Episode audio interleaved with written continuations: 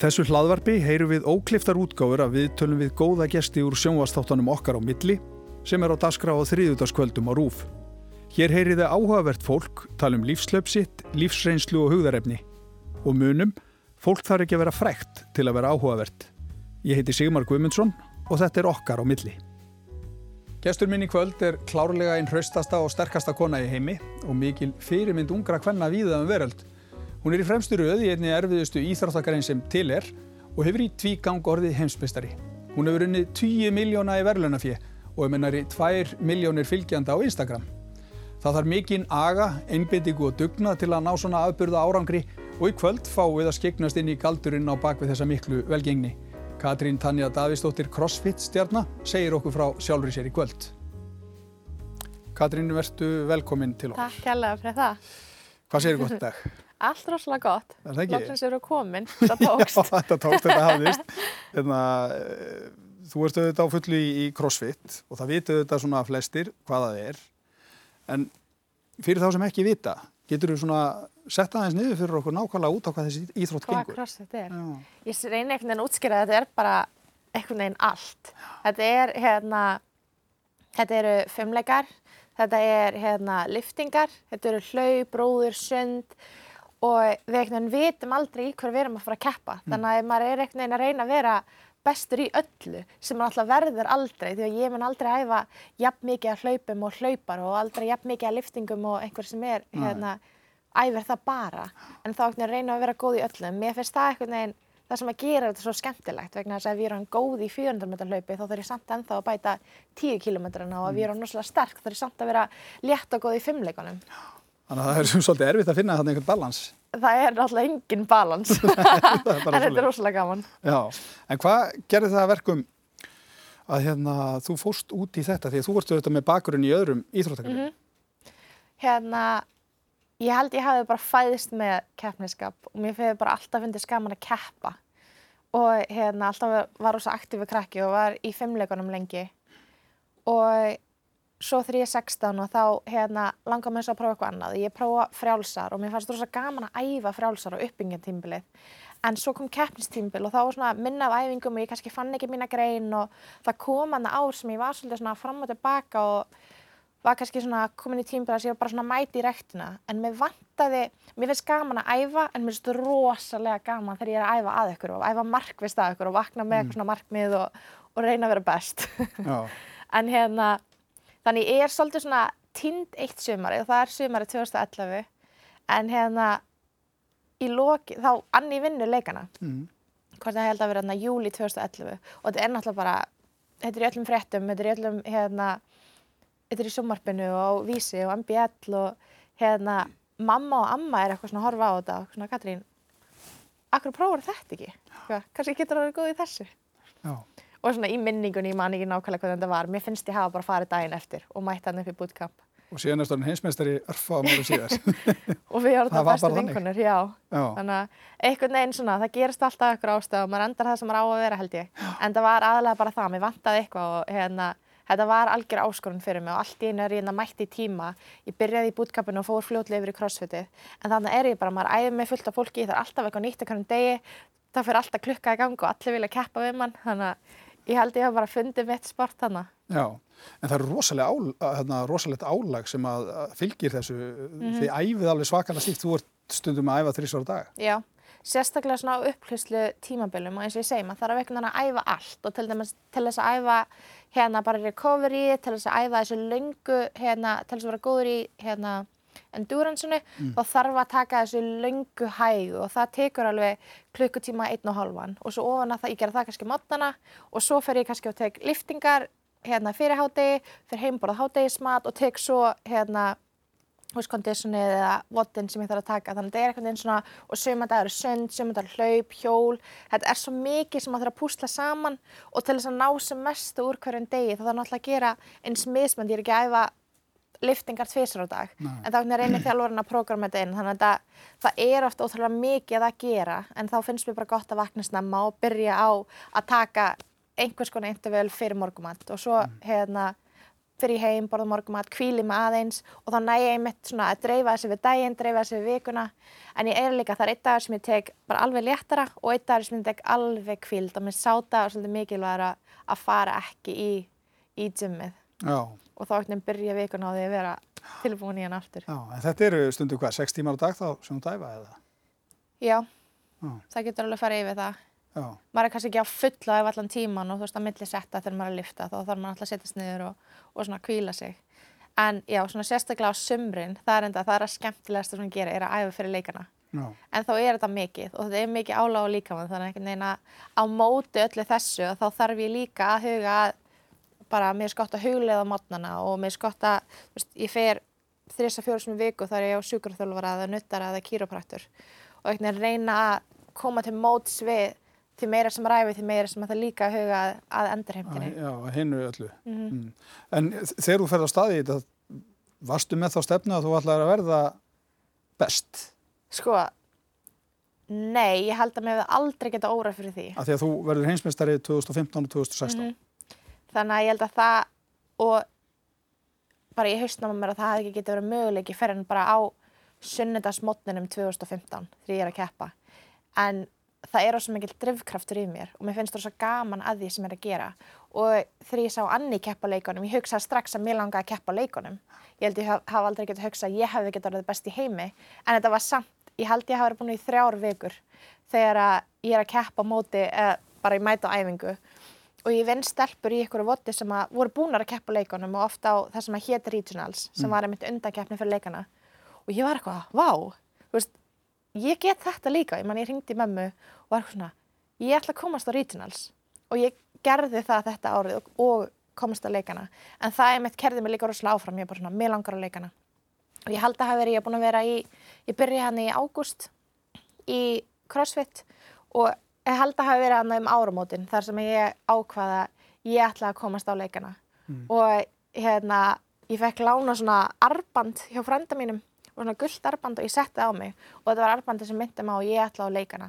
Og það kerði mér rosalega, ég tók það aldrei af mér ekki eins og þegar ég var á hérna, Nemo í Vestló eða var í einhvern svörtum fínum kjól og var samt með þetta gula gummiarband en það myndi mig á ég ætla á leikana. Og þú veist ég var að halda planka þetta var orðið erfitt og ég samt bara sá ég ætla á leikana. Og þú veist ég var að taka hlaupa spretti ég sá þetta alltaf, þetta var bara mín áminning ætlaði þessi hlutir allir sem þú ert að lýsa, þetta snýst alveg svakalega mikið um hugafar. Það eru alveg margir áreiks íþróttamenn sem að segja hausin á fólki sé Hann skiptir. 70-80% af öllu á Eh, me- Tekur undir það? algjörlega, þú mætur á leikana, það er allir í góðu formi það kunna allir það sem er að gera og ég held að svolítið svona sérstaklega þegar þetta er fimm daga mót og þetta er yfir lengri tíma þá skiptir hausin öllu, ert að halda haus? Þú veist, hvernig, þegar eitthvað fyrir úrskeiðis að því að hlutir munu fara úrskeiðis hvernig bregstu við, það gengur öllum vel þegar við fá besta votið sitt. Þá geta allir fara út og verið peppaður og gert þetta. En hvernig bregstu við þegar að dómarinn gefið þið rétt, þegar að hérna einhver tekur óvart hjólið þitt eða þegar þú sefur ekki vel, þegar við erum látin vakna klukkan þrjú að þegar maður fyrir í flug, þetta er svona, hvernig brest maður við þá? Og hvernig hugsar þú í þessu, þegar þú ert einmitt, þegar, þegar plani klikkar eða eitthvað Sko- gengur ekki eins vel, ég meina, hva, hvað gerist þá í haustum á þér? Ég reyna að vera alltaf undirbúin undir allt og ég þurfti svolítið að læra þetta, ég var ekki svona og til dæmis á, hérna, þegar ég byrjaði að vinna með þjálfur, ég komst ekki á leikana 2014, þannig ég kemst 2012-13, kemst ekki 2014 og ég var ekki með neitt annað plan og ég ætlaði bara að keppa á leikana það sömur og þannig að það, allt í einu er ég þarna bara eitthvað svona, svo búin að tengja við mig að ég væri þú veist, heimsleika íþróttamæður og allt í einu er ég það ekki. Og það verið svo auðvelt að vera bara ég er ekki nógu góð, ég á ekki heima heimsleikunum, þær eru betur en ég. En ég tók mér svona smá frí þetta sömar og ég fer svolítið mikið að lesa og ég hef aldrei haft gaman að ég að lesa. Mér er alltaf finnst bara gaman að gera hluti og vera aktív. En ég tek upp hérna bara, þetta er íþróttasalfræði bók og bók með Michael Johnson og bæði bara svona síndi mér svolítið að þetta er svolítið setja fókusun á sjálfa mig og það sem ég get stjórnað og líka það eins og það ganga allir í gegnum einhver erfileika og það ganga allir í gegnum það að mistakast, það ganga allir í gegnum eitthvað svona failure og þarna allt í einu gæti ég, þú veist, í staðin fyrir að hugsa um að ég sé eitthvað failure, þá bara mistókst mér á þessu móti. Og það hefur ekkert meira með mig að segja. Og það stendur maður bara upp maður reynir aftur. Og þarna í september þetta ár fer ég út og er æfa með sem er Ben sem er núna þjálfara minn. Og hann er svolítið svona að kenna mér á það hvað maður er að innbetta sér að og hvað maður á ekki vegna þess að þú ert að þér að hinum keppendurum þú ert að þér að veðrinu, þú ert að þér að vottinu sem að gæti mögulega vera að koma þá ertu bara að eigða orku í það. En í staðin fyrir að þú getur þér að hlutunum þú veist, að mér, hvernig er ég að hugsa hvernig er ég að bregðast við, hversu mikið ætla ég ekki við þetta, svefni minn að þá verður allt betra. Og ég er bara svona, þetta ár gerði ég það bara. Og ég var ekkert svo mikið að hugsa um neitt annað heldur en það bara einhvern veginn að gera það besta sem ég gæt og ég bara, mér aldrei fundist svona gaman að æfa á æfinni og svo líka annað, ég, hef alltaf verið rosalega góð í skóla en hann var ég líka eitthvað svona, byrjaði í háskólanum og fór í lögfræðina og hérna fjall í fyrsta skiptu á æfinni og það var annað sem að alltaf verið með háa reyngunum og allt í einu fannst mér það allt í einu svona ha? Og það var annað sem ég held að hlutir gerast af ástafverkna þarna ákvæði, ok, ég veit ekki hvað ég vil gera.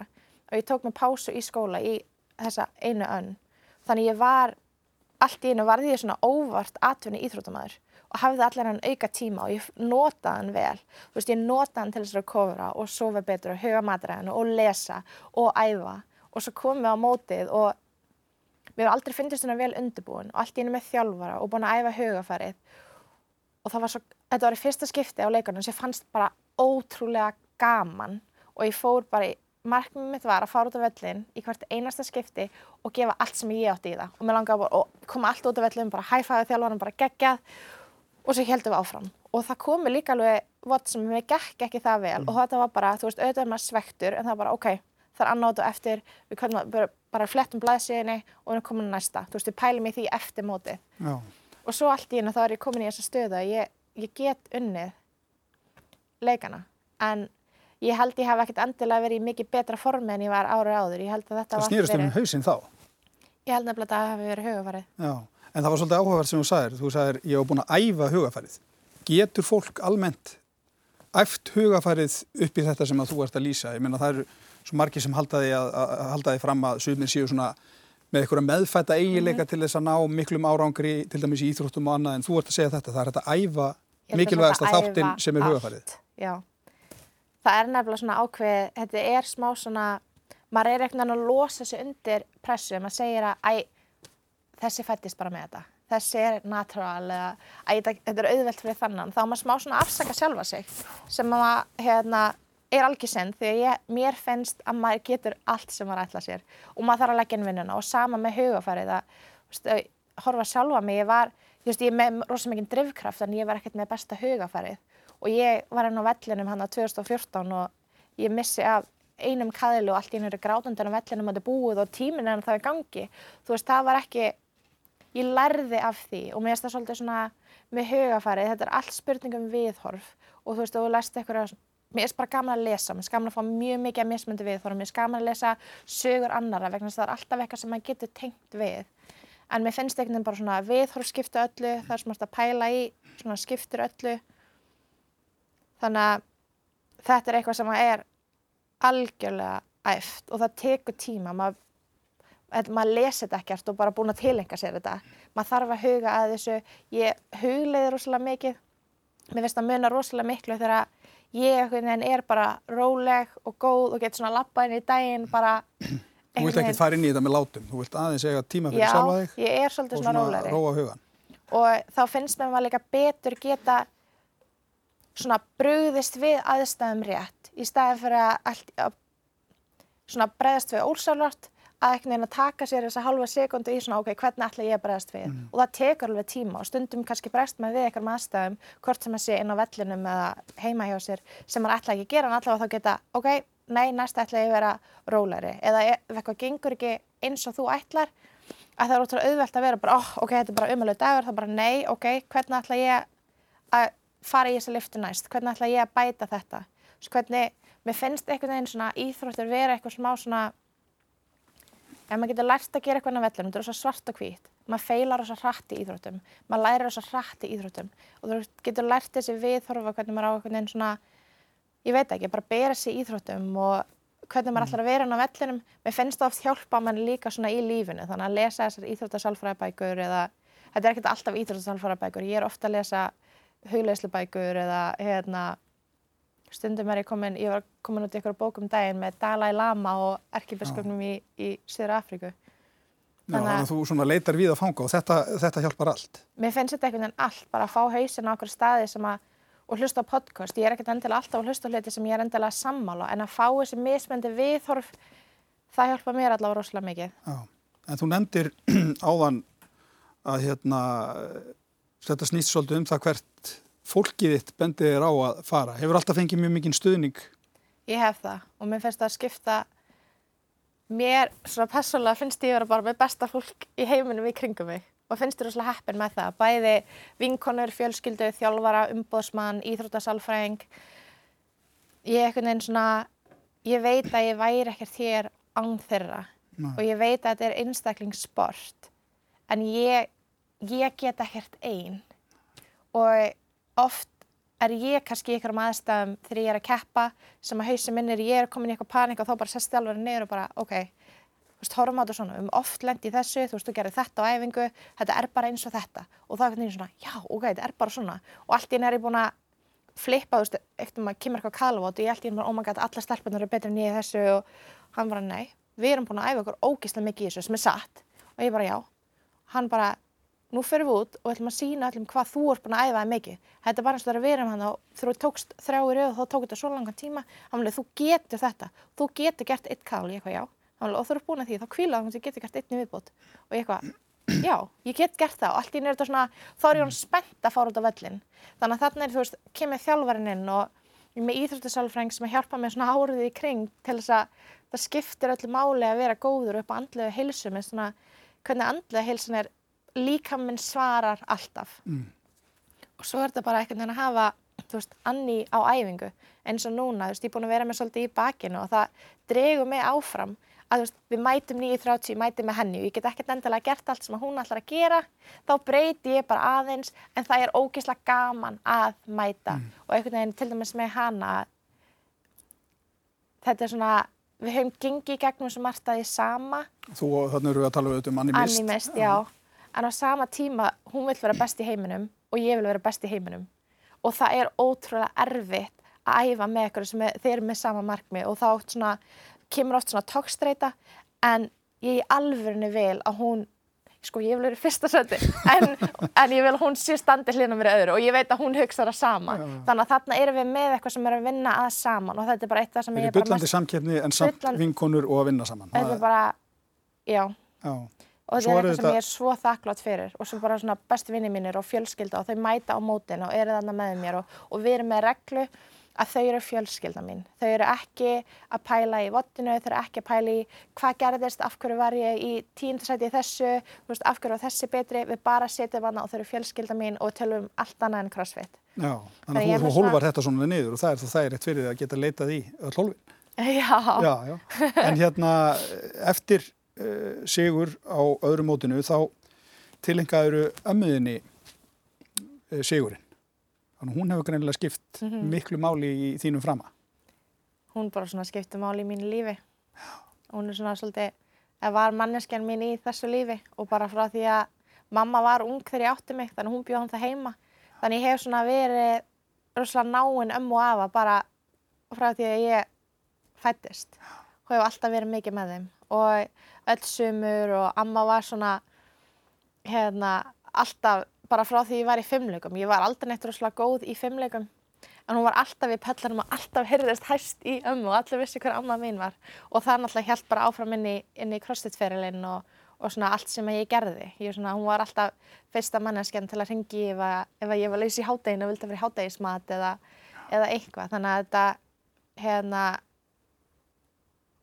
er öruglega eitthvað sem ég kemst aldrei yfir en voru svona erfiðast sem ég hef gengið í gegnum en hún hérna við mistum hana 2016 og mín svona leið einhvern veginn til að höndla það var einhvern veginn bara að gera allt fyrir hana og æfa fyrir hana og að æfa betur og æfa meira og ég ætla að gera þetta fyrir hana mm. og þegar ég kem á leikana þá er ég með, sko við áttum báða svona kærleikskúlu og ég keipti líka svona verndarlengil og ég setti einn á hennar og einn á minn og hann er grafin með henni. Þannig að mér finnst þetta alltaf svona, mér finn rosa mikið fyrir henni. Mm. Og fyrir síðasta votið á leikanum, ég er, þetta er ekki gott vot fyrir mig. Ég sitt, við erum hann að ég og tíu erum í fyrsta öðru og það er mjög stjórn að millakar. Mm. Og ég fer, ég er í svona uppháu hérna íþróttatopp. Og þetta er líka bara hefnið að þetta vott hafi einhvern veginn lift mér að vera með þetta hálsmenn ég, ég, ég grípa með mér og ég seta hérna í íþróttatoppin og þannig að fer ég bara út og mér finnst ég alltaf svona ég held ekki alltaf svona smá í hendina og mér finnst ég alltaf að finna fyrir henni. Og ég hugsaði bara hún er með mér út af vellurum og það er einhvern veginn svona þótt að hérna stelpunar hafa allar farið út mikið hraðar en ég, ég þurfti bara einbætt með það sem ég var að gera og alltaf þegar ég náða mér í kalk, þú veist, að beigja mig fram og hálsminni dettur alltaf út. Og það einhvern veginn var alltaf að minna mig á að hann væri þarna. Mm. Og svo náttúrulega bara klárast vatið og ég sest niður og ég bara rík held í þetta. Og mér langaði bara fyrir hana að vinna. Mm.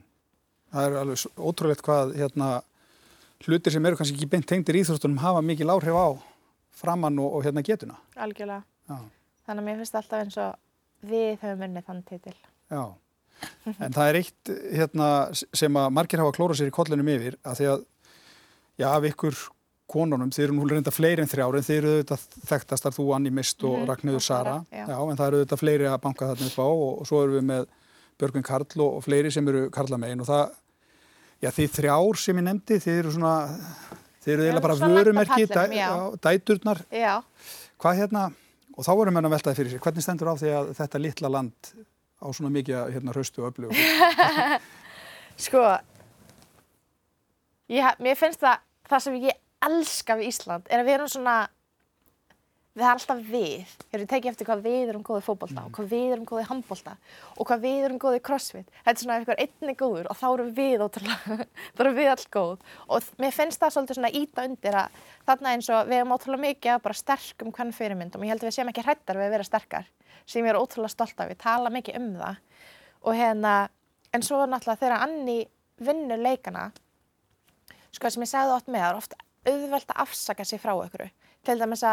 ég auðvelt veit ekkert hvernig Usain Bolt er svona góður. Er, hann, er, hann er með betri gen og, og þetta er auðvelt fyrir hann og serðu hvað þetta er auðvelt þegar hann kemur í mark, hann er mikið hraðari. En við sjáum bara ekki vinnuna sem hann liggur á baki. En hérna allt í hennu vinnur Anni í leikana og ég byrja að æfi saman tíma hún og hún var með sama fimmleika þjálfur að ég, hún var að æfa stangast með bestu vinkonum minni, hún var eitthvað eins og nálagt mér, hún var bara stelpa eins og ég. Og svo sé ég hann að æfa og það er ekki það að ég sé þetta sé auðveld en ég sé þetta er hægt mm -hmm. og ég held að það sé rosalega mikið að maður veit að þetta er möguleiki. Og svo nálagt fyrirmyndunum þínum. Þú veist svona, við erum að æfa í sama sál. Já. Þannig að ég held að það sé svolítið svona kveikjan að því að maður veit að maður getur eitthvað og þá er engin afsökun, þá bara gerir maður það líka og ég held að það sé bara sama fyrir Söru og allar, allar hina dætuna sem eru er að mm. koma upp Já. en þetta er eitthvað sem ég er svo stolt af að þessi, þú veist, fólk er að lappa í búli með bara dóttir, að það er ótrúlega flott að vera dóttir Já. þetta er eitthvað sem ég er alveg, ég er ótrúlega stolt af Já. En það eru öruglega ekki allir íslendingar sem gera sér grein fyrir því í raun og veru hvað þetta er orðin stór íþrótt, ég minna þeir eru að keppa á fullum leikvöngum mm -hmm. og þú ert með næstu í tvær miljónir fylgjenda á Instagram og öruglega fleiri sem fylgjast með þér á, á öðrum vettvöngum mm -hmm. Verðlunafið eru 10 miljóna þú eru 10 miljóna í verðlunafið og ert öruglega með háa styrtarsamninga frá einhverjum hérna auðlisendum og annað mm -hmm. þetta er risa risa stór heimur. Þetta er líka bara að vaksa svo hratt. Já, ég menn þetta byrjar ekki fyrir, þetta byrjar fyrir 20 árum eða eitthvað og hérna já, þetta er orðið... ekki einu sinni það held ég. En já, þetta er svona líka að þú skoðar bara gömul vídeo bara af leikonum. Þú veist, fólk er að snara 45 kílóm og það er að reyna að gera eitthvað upphýfingar. Og svona, og núna allt í hennu eru stelpunar farin að snara 100 kílóm og, og þú veist, all keppnin er orðin betri. Og þú sér það bara hvernig allir orðin bara að læra meira. Þarna þú veist var fólk bara í vinnu og það var bara svona hobby þeirra. Núna er bara fólk orðið atvinni íþróttamenn í þessu. Og það er líka, sportið sé að stekka og svona gefur manna svo mikið fleiri tækifæri. Mm. og ég er ótrúlega stort af þessari íþrótt líka vegna þess að það er svo mikið jafnbretti við stelpunar erum að fá sö, veist, sömu æfingar. Strákarnir fá við fáum prósundu af þingdum reyndar, en sömu æfingar, sama sjómastíma, sama velunafíja, sama allt. Og þetta er einhvern veginn svona, veist, meira sem við hugsaðum tilbaka til 2015, að þá, veist, það þekkja mann þetta þegar maður fer á crossfit mót eða í crossfit box. Og kannski svona stundum á flugvellum, kannski þekkti mann eitthvað. Og kannski við varum í Whole Foods en svo allt í einu, þú veist, eftir 2016 þá man ég eitthvað stoppa mig og eitthvað svona bara í alveg vennilegri búð og eitthvað svona Er þú Katrin Tanja? Og ég eitthvað svona, já, eitthvað, ert í crossfit? Og hann bara, nei og þá er eitthvað svona, ha? Mm. og þá hafði hann til dæmis bara séð eitthvað mynd á Netflix eða svona dokumentari. Þetta er komið svo við það. Já, já, og svo eru fleiri komnir í þetta og mér varst til dæmis þegar ég var oft í London hjá pappa að þá einhvern veginn ef að fólk spurði mig hvað ég gerði og ég sagði verið crossfit þá svona, já, hvað er það? Og ég er bara nánast aldrei spurða þessu í dag og þetta er bara, þetta er að vaksa og stækka og fleiri fyrirtæki komin í þetta og meira fólk, en þetta er líka bara lífstíl, það er ekki allir sem að keppa í þessu og lang flestir er í þessu eitt klukkutíma dag fyrir bara heilbreyði mm. af við eru crossfit. Mm. Þetta eru allir og öllum aldurshópum og litli bróminni í crossfit, þannig að þetta er þetta er fyrir alla og þetta allir sé ekki að gera það sama en ég held að það allir getur verið með svolítið, þú veist, stekkar það ennþá meira. Mm. En hvað hva, hva myndur segja við svona ung fólk sem er að horfa á því tala, fylgjast með þér á mótonum og annað e, að því þú ert að nefna það að það sé hægt að æfa svo mikið af þessum mm. hlutum? Hva, hvaða ráleggingu hefur þetta fólk sem er svona eitthvað veltaði fyrir sér? Á ég að leggja þetta fyrir mig, ætti ég að reyna ég þarf svona að verða aðunum með þér Sko, mér finnst þetta svona tvent hvort þetta leggja, leggja þetta fyrir sig eða vera aðunum með þér og mér er svolítið svona Mér finnst oft markmið fólks ekki alltaf vera í beina samhengi við endilega það sem að þarf til þess að ná því. Til dæmis eins og ég og lögfræðin. Ég hef ætlað frá því að ég var smákrakki, ég hef alltaf ætlað að vera svo afi. Og ég ætlaði að fara í Vestló og ég ætlaði að fara í lögfræðina og mér langaði að vera lögfræðing. Mér finnst það flott, mér finnst flott að vera lögfræðingur. En ég sagði að ég hef aldrei lesið lesa heila bóku á æðu minni frá fyrir en ég var 19 ára eða eitthvað. Mm -hmm. Þannig að allt í einu er ég hérna og ég ætti að lögfræðingur og ég komin í lögfræðina og mér langar alls ekki að lesa neitt og mér langar ekki að gera sem að þarf til þess að vera lögfræðingur. Þannig að þannig að það komið eitthvað svona misræmi. Þannig að það er margi sem að þetta er ótrúlega flott líf bara æfa allan daginn og ótrúlega gaman en langar þig að vakna klukkan 6 og fara hjólaæfingu klukkan 6.37 langar þig að vikta mæla matin langar þig að fara á æfingu? Þetta eru er erfiðar æfingar. Finnst þér gaman að æfa? Finnst þér gaman að vera á kýraprættur og nuttara, finnst þér gaman að fara að sofa svo klukkan 9, finnst þér gaman að huga að heilsunni og hugafarinu meira heldur en að horfa á eitthvað Netflix-tætti á kvöldin? Mm. þetta er svona ég myndi spyrja hvort að þetta ef þetta er eitthvað sem það langar virkilega að gera að þá segja ég já og þá myndi ég gefa allt smátt í þetta og það er mm. svolítið Þetta snýst auðvitað um að elda draumin líka svolítið, er ekki? Já, og maður þarf líka svolítið, ef þetta er sem ég langar að gera, ef þið langar virkilega að gera þetta, samankvæmt þessi crossfit eða eitthvað annað, ég er algjör talsmað þess að gera sem þið virkilega langar að gera, vegna þess að þegar þetta er þitt passion, þetta er það sem að þú elskar og þú gefur allt smátt í það, þetta mun alltaf ganga upp og maður þarf stundum að taka smá áhættur, þú veist, þetta er maður fær ekki fyrst sponsana áður en að maður verður góður, maður þarf fyrst að leggja sig allan fram og maður þarf að, þetta er stundum nota ég allan peningin minn sem ég átti til að kaupa flug og fara hitt að þjálfur minn. Þetta er svona ég fekk fólk vil þetta oft í upp, nei, ekki lengur sem þetta fer og, og er mjög þakklátt fyrir það. Ég, ég veit, ég er mjög þakklátt fyrir það sem ég hef og tækið fyrir það sem ég hef. Ég ger alveg grein fyrir því að að ég er í, þetta eru forréttindi, ég hafi þessa þjálfara og íþjóttarselfræðinga og ég eigi pening til þess að stökka á millin landa eins og, eins og mér sínist og mér líði vel með það. En þetta er líka fyrst og fremst að ég tók áhættur og fjölskeilna mín er rosalega akademísk og þegar ég tek með pásu frá skóla að ég þurfti ofta að standa svolítið með sjálfur mér. Eitthvað svona, já, ertu þá bara að æfa núna? Ég er bara, já, ég er bara að æfa núna. En svo eftir í vinnleikana þá er þetta svona, já, já, auðvitað, hún hún er bara í þessu mm -hmm. þannig að þetta er svona allt í neitt svona sikkvart viðhorfi en maður þarf stundir svolítið bara að standa með sjálfu sér þetta er það sem maður vilt gera og þetta er þín ákverðin að það gerir þú og þú kýlar á það mm. en ég held að maður þurfi líka áttu svolítið á því hvað það er sem maður vill gera Já, en uh, það hefur fyllt þessu, fyllt þessu bæði í auknum mæli úti og líka auðvitað hérna á Íslandi og þar eru auðvitað annir mist hérna brautriðandin mm -hmm. að það er rosalega mikil aðtikla á okkur og þessi aðtikli getur verið alls konar, hún er oft, oftast næru auðvitað jákvæð en svo öruglega eitthvað svona neikvæð aðtikli sem fylgir þessu. Hvernig hérna gengur þeir að handla það allt saman? Þetta vera svona mikið í sviðsljósinu og Já. um leið að þurfa að standa undir kröfun sem fólk gerir til því. Sko ég hef alveg gengið gegnum tímabil þar sem að þú veist, mér finnst bara erfitt að vera ég og mér finnst það stundum bara pyrrandi að þurfa alltaf að vera með, þú veist, sína eitthvað svona front og hérna vera fyrirmynd og þetta var bara erfitt tímabil, eh, þú veist, 2017 var kannski svona erfiðasta þannig tímabil hjá mér. Svolítið skrið eftir að vinna leikana tvisvar og kannski ekki hafa díla svolítið við, kannski missir en, þú veist, þegar ég misti ömmu og svona, að þetta er ótrúlega aðstæðan að segja þetta vegna þess að svo fæ ég og ég, það gerist alltaf ástæð og ég fæ skilabor frá stelpu sem að hérna segja mér bara hún var 16 ára, hafði verið ótrúlega erfitt hjá henni, hafði verið ótrúlega þunglind og frænkana dreifur hann í crossfit. Og þannig eru bara allir eitthvað að reyna ókslega mikið á sig og allir er ótrúlega svittir og hún er svona, ok, finnst fólki þetta bara gaman? En allavega hún ákveður með og hún bara svona, vá, tók þetta ótrúlega vel á móti mér og mér fannst ég alveg svona eiga heima en hún er eitthvað, ég ætla að byrja crossfit. Og horfið þá á heimildamyndan á Netflix og hún bara, ég sá þig tala um að vera besta útgáfana sjálfu þér.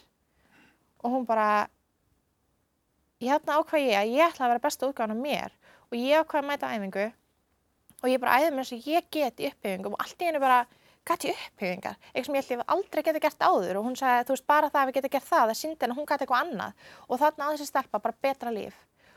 Og ég bara svona vá það að ég fá að gera sem ég elska og mæta í rektorna hverjum einasta degi og leggja mig alla fram og vegna þess að ég er góð í þessu að þá eru myndavilar á mér. Þá fæ ég að skrifa bók, þá fæ ég að vera í podcastum og það ein stelpa hafi tekið þetta til sín og núna hún betra líf. Og hún smeta þetta örugglega frá sér. Hún kannski dreifur einhverjum keðja sína að, að þetta er ástæðan fyrir að ég er í þessu. Og þetta er ástæðan fyrir að ég þegar þetta er erfitt fyrir mér þá minni ég mig á þetta.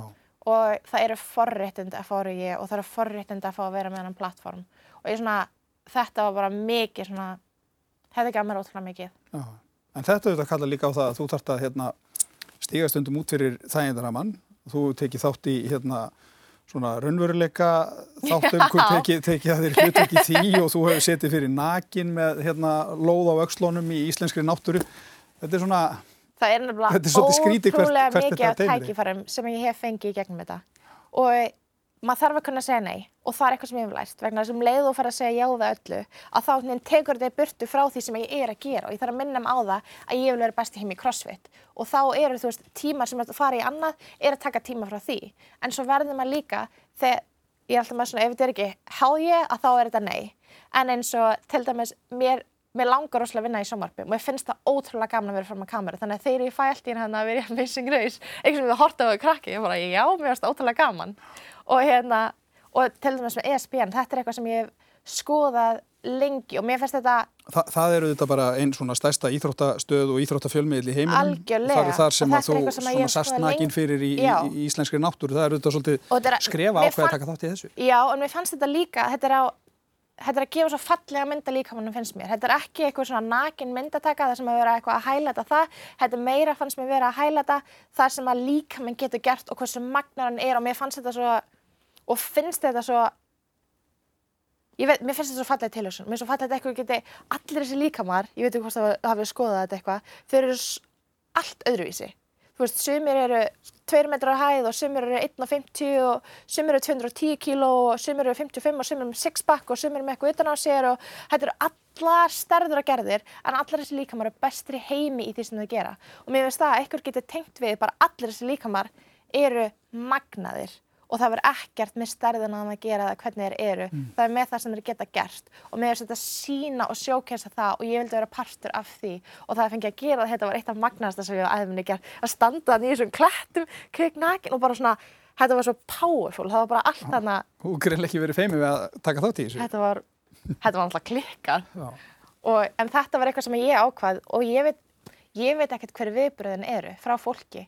og það er eitthvað sem ég get ekki stjórnað en þegar ég tek svona ákvarðan þetta er eitthvað sem ég vildi gera og þetta er eitthvað sem ég vildi standa fyrir og ég er ótrúlega stolt af þessu En þú sagði ráðan og, og þú, þetta orð, þetta svefn hefur komið fyrir hérna í samtalen og líka það að vikta matinn sinn. já, Sko, okkur finnst öllum heillandi að sofa vel en, en þetta með að vikta matinn, getur aðeins svona í stuttumáli sagt okkur Já. bara þetta Það með svefnin og að þurfa, þurfa vera með aga í þessu líka? já sko ég held að svona maður elst upp bara með ákveðna hugmyndir og ég úr fimmleikanum kannski aldrei upp með þessar hugmyndir að það væri bara betra að borða eins minna og það væri bara betra að hérna, borða ekki kolvetni. Eitthvað svona sem ég er bara búin að ákveða sem að mm. eru þetta bara algjört röggl og sem íþróttamaður maður á að borða nógu mikið, nógu vel og nógu fjölbreytt og passa bara ávöxtinsinn og græmitið sitt og, og ég held að þú veist, ég hafi verið svolítið hrætt við það og þá er maður ekki að borða nóg og þá ert ekki að gefa líkamann sem hann þarf og þá er hann ekki að kofra og þá er hann ekki að byggjast upp eins og hann þarf. Þannig að þegar ég byrja að vinna minn næringafræðingi 2015 og þá er það fyrsta sem hún bætir inn alltaf bara mjög mikið að kolvetnum hjá mér. Þú veist, þá er ég að bæta inn hrísgrunum og sætum kartablum og ávöxtum að borða á æfingu. Og þetta var, þannig að þegar ég segi vikt og mæla þá er þetta miklu meira fyrir mig að ég sé að borða nóg og sé að borða í réttum hlutföllum. Mm. Því ég var sko ég var jafnrætt við kólvetnir og ég var við eldin. Þetta er ekki jafn leðilegt eins og þetta hljómar. Nei og líka þegar ég segi við þetta mæla, maður er ekkert alltaf hérna ágrömm, hérna meira mæl, þetta er svolítið svona til að kenna mér sjálfri og þá læri ég hvað ég á að borða af hverju. Þú veist maður lærir alveg á skamtastærður og maður lærir á, vegna þess að í sportunum minn líka, ég þarf að vera einn sterk og ég get, ég þarf að geta byggt líkmannuttbeil, ég er að æfa mikið, ég þarf að geta hérna recoverað, sofið vel, en ég þarf líka að halda mér í réttri líkamsting til þess að geta ennþá verið í allum fimmleikonum og, og verið létta með þar. Þannig að þetta er eins og segir, þetta er svona þessi balans sem er yngum balans en hérna, þetta við hjálpa mér ós að mikið bara svona að læra á hvað ég á að vera að borða mm. og það er ekkert eitt sem er rétt og það virkar, það sem að virka fyrir mig í júli rétt fyrir leikana er ekkert það sama að virka fyrir mig í september eftir leikana. Þú veist þegar álæðið er, æfingálæðið er mismunandi. Mm, já, já og hver líka með líka svo öðru vísi þannig að það er ekkert eitt heilagt og amen fyrir alla Nei. þannig að það er svolítið hættulegt finnst mér svona að ákveða eitthvað svona eitt og þetta virka fyrir þennan þannig ég ætla að gera það en mér finnst bara svona almennt bara prinsip yfir allt er að borða bara reyna, fæðu nóafinni og nó bara fjölbreytt mm -hmm. En svo er þetta með svefnin. Svefnin. Það, hérna, ég var nú að tala við Guðjón Val Sigursson um daginn og hann nefndi þetta þegar fólk er að spyrja að þá er þetta alltaf, alltaf eitthvað grunnur og maður hefur það svona einhvern veginn á tilfinningunni að menn sé alltaf átt að sé betur og betur á þessu. Þetta var ekkert jafn mikið umræðinni hérna fyrir einhverjum árum. En þú varst að segja mér, þú fyrir að sofa nýja á kvöldin. Í Boston, já. Já, þegar þú ert úti, sko, til þess að geta hérna vakna snem á mótnana. Já. Þetta er bara rútína. Þetta er bara rútína. Þannig að ég vorum að tala, við finnst ekki svona klukkan í okkur Íslandin með eitthvað aðeins svona snúin, við vökum lengur og, og sofum aðeins lengur. En út í Boston það er ekkert bara svona, þá býð ég mitt með bara þjálfvarunum og, og fjölskyldina hans og þau eru öll þannig að þau vakna rosalega snemma, þetta er sko, húsið er alveg klukkan 6 á mótana, þá er búið að sækja elsta strákinn til þess að fara með henni í skólan og hérna, krakkarnir að leika sér og hérna, konur eru búið til búst og þetta er alveg, það er allir vakandi klukkan 6. Þannig að þá eru líka allir þreyttur á kvöldin og ekkert einn svona við borðum kvöldmataðins fyrr og svo eru allir bara búin að trappa sig niður mm. og án þess að vita að því er oft komið í rúm og klukkan er nýju. En þá líka næja sofins lengi, veist, ég vakna án þess að vera með vekjara klukku 6-6.30 og veist, svona, ég reyni að ná þegar ég er undir miklu æfingálaði þá þarf ég oft bara 10 tíma svefn og það er oft mikið, þá er ég kannski svo 9-7 eða hvernig það er þannig að þegar að ég veit ekki, þegar mér finnst ég verið í eitthvað svona hjólfari sem ég vil ekki verið í eða er ekki að recovera eða ekki nógu góðu skapi eða hvað sem það er og mér finnst þetta einhvern veginn alltaf koma tilbaka ef ég laga svefnin að þá okkur ég lagast allt. Mér finnst ef ég kemst snemma að sofa að þá get ég vakna fyrr, þá er ég meiri tíma á mótnana og ég er rosalega gott að ég hafa tíma á mótnana. Þetta sé ekki um að auka hálftími, mm. mér gott að bara setjast niður, huglega, mér gott að lesa eina blæðsugur hérna svona daily stoic, maður fer alltaf inn, þetta er svona svona eitt kvót sem ég skil ekkert endilega alltaf en svo er Ryan Holiday búin að skrifa um það og útskýra og setja þetta inn í svona daglegt líf og þá ekkert farir maður svona nýtt við þarf að vinna í daginn og Já. mér starf svolítið gaman og setjast niður með kaffibotlan eða bústinn sem ég er að drekka eitthvað og þá get ég farið inn í daginn mikið meira tilbúin og þá er dagarinn minn betri og þá hef ég vaknað fyrir þá er ég bara þreytt á kvöldin og fara aftur fyrir að sofa mm. eitthvað en þetta heldur mér í rosalega góður rútínu og bara, ég veit ekki hversu mikið er búin að lesa um frá til dæmis Matthew Walken með Why We Sleep. Þetta er staðrindirnar og rannsóknirnar eru fár, við erum bara í, ég hætti að segja hver klukkutími sem er undir sjö tíma og náttúrulega bara mismyndi hvað fólk þarf á, hvað aldrei og æfingálægi og, og svona bara álægi við daginn en þá ertu bara að stitta lífið þitt og svo er þetta svo aftur og bak vegna þess að það eru svo mörgur sem finnst töff að sofa lítið. Bara jú, er ósað mikið að gera hjá mér, bara ég ég vakna fjóra á mótana en ég sé, ég sé bara fjóra tíma en það er rosa mikið að gera hjá mér. Og það er bara svona, já hann er, hérna, hann er hátt uppi og þetta er svona, en hann er raunin bara að stytta lífsitt þannig að ef maður setur svefnin fram yfir annað, maður er að taka betri ákvarðanir maður er skarpari, maður er meira úthald. Þetta er Þetta er grunnurinn öllu. þetta er grunnurinn að öllu og ég vil að þessi töff að sofa bara svolítið, svolítið mikið Já, já, að það sé margir Já. alveg sem fagna því að þú Já. sé að gefa hérna svona svolítið heilbrið kannski ekki fram eftir öllu en það er að koma sér í háttin það er að Já. sleppa þessum einu þætti á kvöldin það er kannski að fara aðeins fyrir heim veist, það er ekki verið alltaf fram eftir öllu með vinkonunum með vinunum úti það er bara að koma sér heim, það er að og Já, en segðu mig svona í, í lokin að því að hérna, þú vinnur þetta mót tvisvar í röð.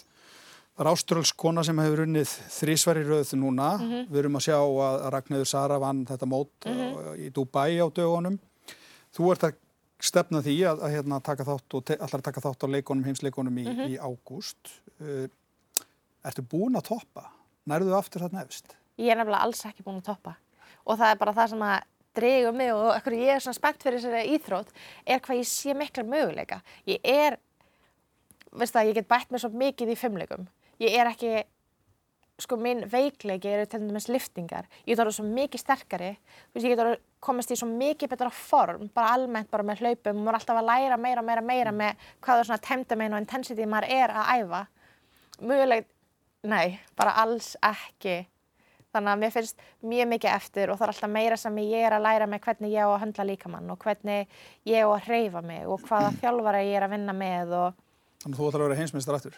Ég ætla að vera heimsmeistar aftur Það er þetta eina hugsunin sem að þýðir ef, að, ef að það að takast. Það er ætla sér. þannig að Það þetta er er möguleiknar er endalist og ég held að þegar ég er svona spurð hvað ég vil gera þetta lengi, ég veit það ekki en á meðan ég er heilbrið og meðan ég sé á meðan ég sé þetta bil, með- á meðan ég sé sko þegar einhverju betri en ég í einhverju það er mjög auðvelt að vera bara, oh, hún er ógstlega góð í þessu en mér finnst það meira bara svona, ef hún er svona góð í muscle up, það er til dæmis eitthvað sem ég er búin að vinna rosalega mikið í, bara í ringjum hún gæti ekkert muscle up einu sinni, ekkert frekar en ég en einhvern veginn komst hún þangað. Mm. og þá get ég það líka. Og ef hún er svona sterk, hún gæti ekkert lift 150 hnipið einu sinni einhvern veginn komst hún þangað.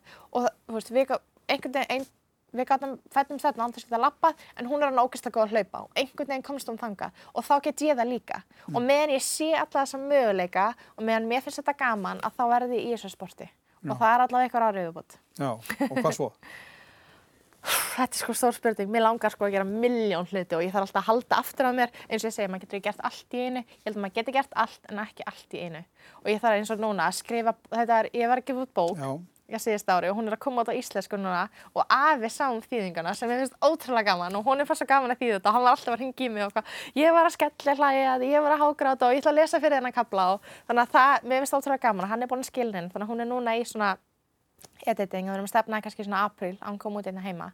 En það var eitt af þessu sem að þú veist, mér langar svo að skrifa bók og þetta var mjög gaman, þetta var mjög krefjandi og mjög tímafært og svona þegar ég horfið tilbaka þá tók þetta alveg mjög mikið tíma frá í fyrra og mjög mikið stress og mjög mikið svona heila plás og það er kannski eitthvað, ég, sé alls ekki eftir þessu vegna þetta er eitthvað sem ég er mjög stolt af en eitthvað sem að þarf kannski svona smá að það er ekki allt hægt í einu. Og mér, mér langar svo rosalega ekki út barnabók, það er eitthvað sem mér langar að gera en það verður að býða og mér langar svo vinna í sjómarbi og það er ekki núna og það verður að býða og mér langar með krabba minn, það pyrra mig hvernig að, hérna, kíma og allt þetta, ég held að þetta sé ég er búin að tala við tvo prófessora sem að tala um þetta sé hérna, svona meldingar en ekki endilega genetískur og hvernig við trítum það þá. Og mikið heilbreiðari háttunum við komum út sterkari. Það er eitthvað, mér langar að fara í skóla og mér langar að læra það, þetta er svona, mér langar að gera ég get farið hérna í miljón mismöndi áttir sem mér langar að gera, mér langar að fá krakka til þess að reyfa sig meira. Þú veist, lati bara er bara eitt af besta sem ég veit bara um minni lífsleið. Það er eitthvað sem ég finn svo flott. Þannig að það eru, það er allt sem ég langar að gera en stundum þarf ég aðeins bara að trappa mig þess að ég er komin í jóka trappa mig niður og vera svolítið í núinu. Og þegar ég er búin og ég veit það að vera betri íþjóttamæður og byggja upp minn plattform þetta mun gefa mér betri tækifæri til þess að gera alltaf þessu sem ég langar svo mikið til þess að gera. Þannig að akkurat núna ætla ég að vera besti íþjóttamæður sem ég get orðið. Og svo ætla ég að gera allt þitt já, það er bara býður. Og gaman að spilla við Katrín Tanja. Takk fyrir að koma. Takk hérlega óklift útgafa af sjónvastáttunum sem er í loftinu á Rúf á þriðutaskvöldum og eftir kastljósu og menningu. Ég heiti Sigmar Guimundsson, takk fyrir að hlusta.